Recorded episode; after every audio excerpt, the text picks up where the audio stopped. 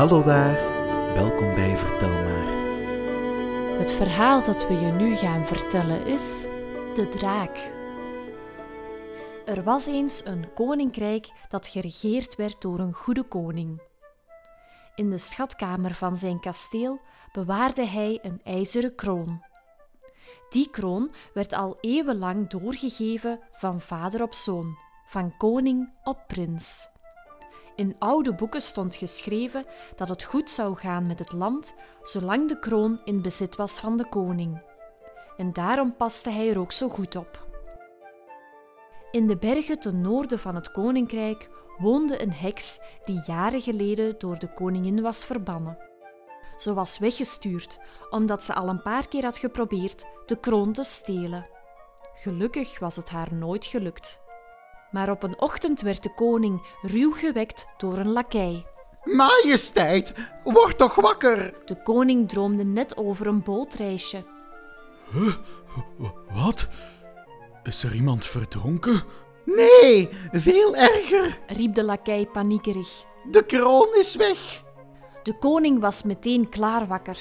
Hij sprong uit bed en riep: Alle hens aan dek, de kroon is weg.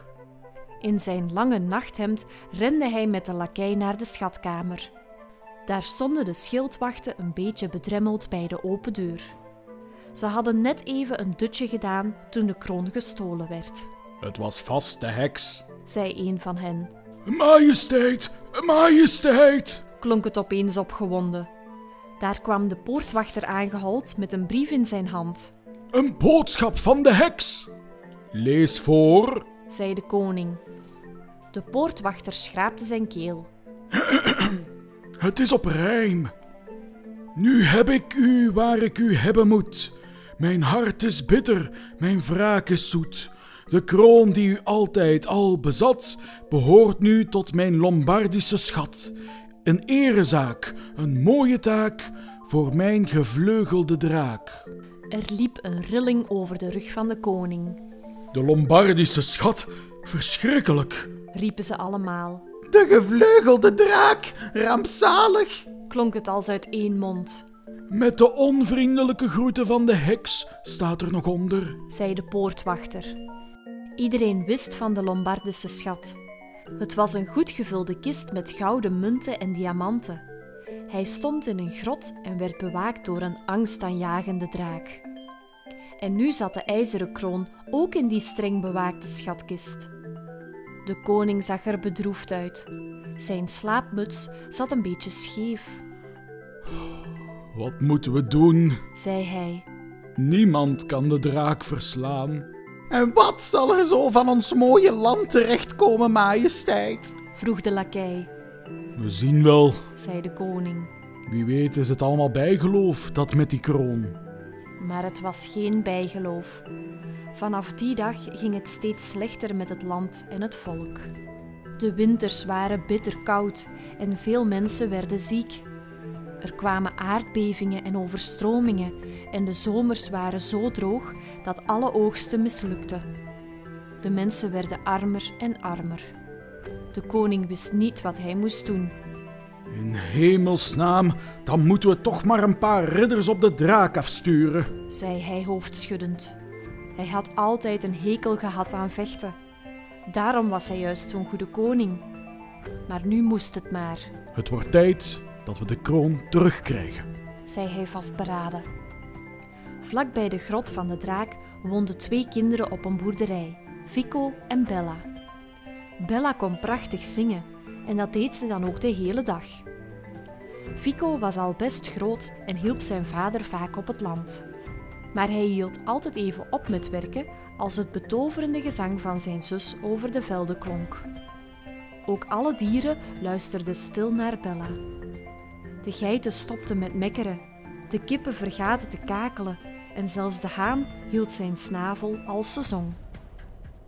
Maar deze keer klonk er een heel ander geluid: hoefgetrappel. Fico stond net te hooien toen er een legertje van wel twintig ridders langskwam. Hij begreep meteen dat ze op weg waren naar de grot van de draak. Met zoveel ridders zou het toch wel moeten lukken om het beest te verslaan? Dat wilde Fico wel eens zien. Hij gooide zijn hooivork neer en holde achter ze aan. De grot lag halverwege een steile berghelling. Onderaan de berg zag Fico de paarden van de ridder staan. Hij klom naar boven. In de grot was de strijd al in volle gang. Dat kon hij wel horen. Nieuwsgierig ging Fico naar binnen. En wat hij toen zag, zou hij zijn hele leven niet vergeten. De enorme draak stond gebogen over de schatkist. Woest zwaaide hij zijn kop heen en weer en er kwam rook uit zijn opengesperde neusgaten. In het schemerduister van de grot zag alles er angstaanjagend en onwerkelijk uit. Rond het briesende en grommende monster stonden de ridders die hem te lijf gingen met zwaarden en lansen. Maar de huid van het grote dier was veel te dik. De lansen braken als luciferhoutjes af op zijn sterke schubben en het leek alsof de zwaarden hem alleen maar kietelden. Ademloos stond Fico te kijken. Onder de buik van de draak zag hij de schatkist staan. Hij zag de gouden munten en diamanten en de ijzeren kroon van de koning lag bovenop. Kwam een ridder te dichtbij, dan kreeg hij een oplawaai van een sterke klauw of een zwieper van de machtige staart. De ridder vloog dan wel vijf meter door de lucht voordat hij hard op de grond terecht kwam. Al snel droop het leger van de koning af, zonder kroon. Vico daalde de berg af en liep naar huis. Zijn zusje zat onder de boom voor het huis te zingen. Om haar heen zaten wat egeltjes en konijntjes te luisteren. Ook de grote hond van de buren, die altijd zo hard blafte, lag te genieten in het gras. En toen kreeg Fico een geweldig idee. De volgende dag beklom hij de berghelling weer, maar nu samen met Bella. Ik ben bang voor de draak, Fico, zei ze. Tuurlijk, ik ook. Zei Fico. Maar we moeten het proberen, Bella. Het enige wat je hoeft te doen is zingen. Bij de smalle ingang van de grot begon Bella al te zingen. Dat klonk als altijd wonderschoon. En eenmaal binnen galmde het nog veel mooier. De hele grot vulde zich met de prachtige heldere klanken. Daar zat de draak. Hij torende hoog boven de schatkist uit. En wat altijd met de kippen en de konijnen gebeurde, gebeurde nu ook met het grote beest. De draak wist niet wat hem overkwam en luisterde ademloos naar het betoverende gezang van Bella. Blijf hier maar staan zingen, op een afstandje, fluisterde Vico in Bella's oor. Toen liep hij heel langzaam in de richting van de draak. Die zat helemaal stil. Nog twee meter, nog één. Vico stond nu half onder het gigantische beest. Bibberend ging zijn hand naar de kroon en hij pakte hem. Op dat moment leek de draak uit zijn roest te ontwaken. Zijn kop zwierde naar beneden en Bella schrok. Ze stopte plotseling met zingen. Rennen, Bella! schreeuwde Vico en hij zette het op een lopen. De draak kwam achter hem aan, maar Bella rende niet weg. Ze begon heel zachtjes weer te zingen. De draak schudde nog een keer woest met zijn kop en rolde met zijn bolle ogen. Rook kwam uit zijn neusgaten. Toen werd hij weer kalm en luisterde naar Bella. Vico hield de kroon stevig vast en fluisterde: We gaan langzaam achteruit, maar blijf doorzingen. Zo verlieten ze samen de grot. Eenmaal buiten holden ze half struikelend de helling af. Hoera! We, hebben de kroon! riepen ze blij. Majesteit, dat monster is onverslaanbaar, zei de opperridder intussen tegen de koning.